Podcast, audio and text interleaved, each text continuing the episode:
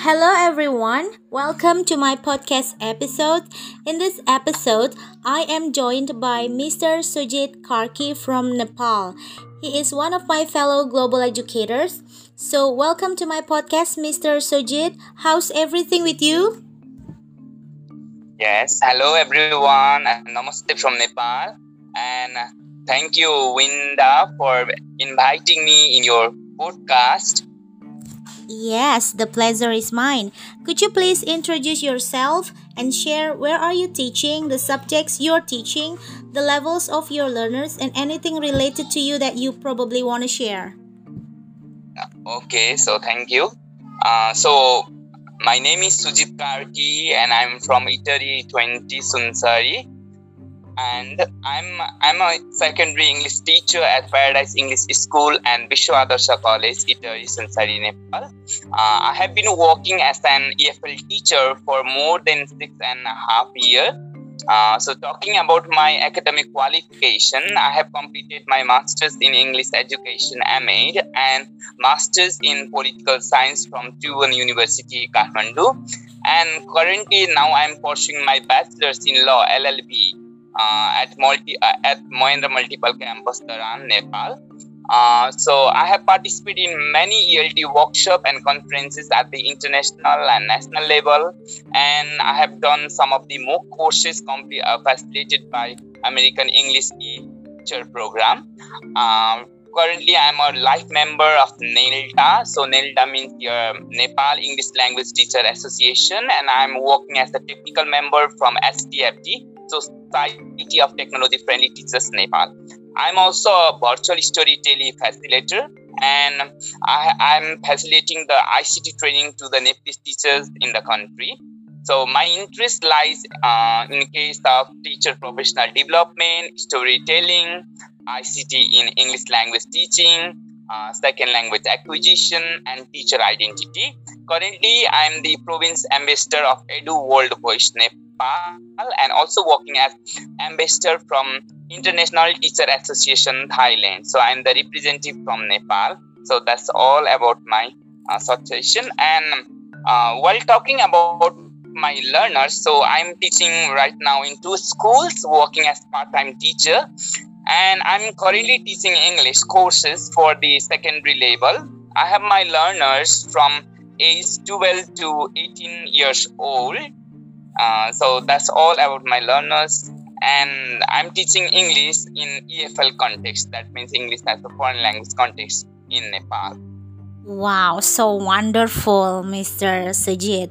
So let's move on to the next question. How did you adapt to this pandemic situation personally and as a teacher? Okay, so I have I've faced a lot of problems in this COVID nineteen period. So Nepal, we are facing even two lot of problems. We are staying in lockdown um, after the official declaration from the government of Nepal since one and a half month, and still we are in lockdown. Uh, so all the schools and colleges remain closed, and we are conducting the online classes since the starting of lockdown. Uh, so that means in May month. Uh, so as a teacher, we are doing a lot of efforts. I'm not personally talking about me first, but uh, talking about the Nepalese teacher, we are doing our best to motivate and to inspire our learners in the classroom generally during this online session. So to make and we are creating a drastic change and giving our significant contribution and roles to make our teaching and learning process easier to this virtual platform. We are trying to use and to adopt the different sort of uh, teaching resources and online tools to incorporate in the field of English language teaching. So now, personally saying, I'm using the various uh, online tools and platforms to make my classroom lively, interactive, even engaging one uh, so the online tools that I have been using are Quizlet and Kahoot. So I'm uh, making these for grammar quizzes generally, and uh, even I'm using the quizzes to train my uh, students with vocab. And I'm using Jamboard and Google Form in order to draw the attention from the learners. And uh, as Arman Kasibin, he is one of my instructor too from the U- United States. So he has got the Padlet. So I am right now using the Padlet also, which is similar to the feature of Facebook. So how we give a like and how we'll be responding them. And I have even I have created the Facebook Messenger and uh, Google Classroom, even Flipgrid and Zoom, which can support both the synchronous and asynchronous learning platform for my students. So even I have created my personal blog too, where I used to insert a lot of several reference materials, ebooks, and classroom games to support my learners to have a smooth flow in the learning process.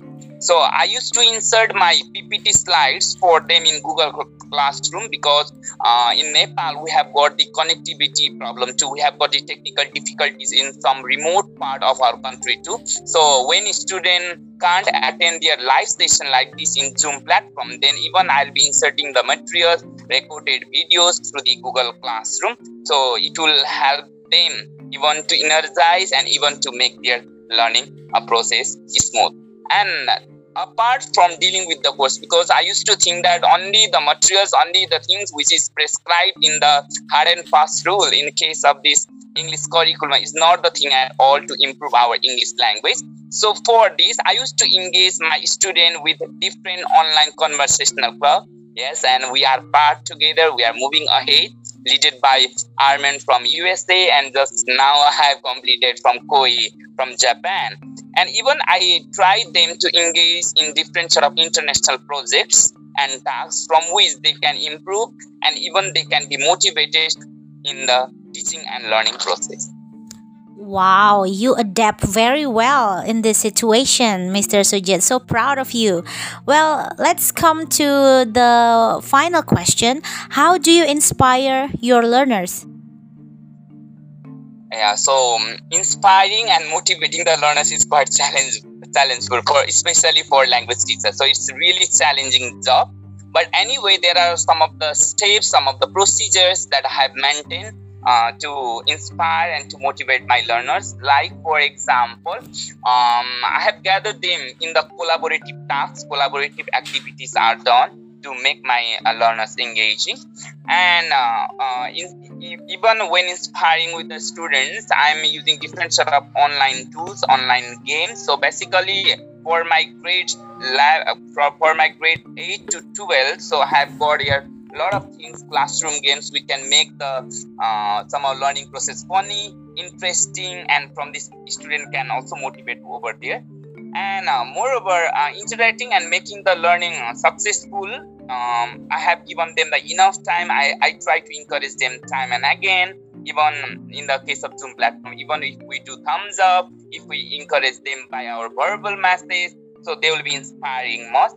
And uh, one thing more, we have got even the praising, that means praising and rewarding. So praising and rewarding will really work for the students like through verbal communication or for example uh, when i'm using google form while giving the online test. So hmm. I'll be even making the auto generated certificate. So when they complete the task, they will be scoring the points too. And by this, they will be getting the e-certificate through the help of their email too. And Google Quiz, so live quizzes are there, which are so much funny and they will be really engaging over there and I used to create the friendly atmosphere. So I don't want to be a strict teacher. So I like to create the friendly and supportive environment for my student. That's why when they have got confusion in their learning process, then they can uh, get easily with me. So friendly atmosphere can also make the learner engaging one. And even finally i can lead them to present the different sort of topics. I can give them to engage in the case of student presentation. They can prepare their project they can prepare their powerpoint slides and they can perform either in the case of physical environment physical classroom or during the case of online classroom so that they will be gaining much more confidence to speak english time and again. And even they can connect uh, and form a global learning community when they engage in a lot of conversational clubs and this all. Yes, I do love uh, the idea of rewarding, and praising. I do love that idea. So, thank you so much for dropping by to my podcast, Mr. Sujit. Before we end this podcast, do you have something to say? Uh, so, uh, finally, I like to uh, suggest and i like to inspire all my teachers that okay in this uh, difficult time in this covid-19 pandemic time as we are getting through the different sort of online webinars trainings and this all so gaining knowledge is not the thing at all. Gaining the things and gaining the certificate is not the thing at all. But how we are implementing the things how we are using that particular online tools that we have learned in the real life in the practical classroom that's quite important one. So one of the example i can take myself because i don't know any sort of tools online tools resources and this all but after i attend so many trainings and webinars that is conducted in the country and abroad so i have got much more familiar with this tool and i try to adapt it and it's possible.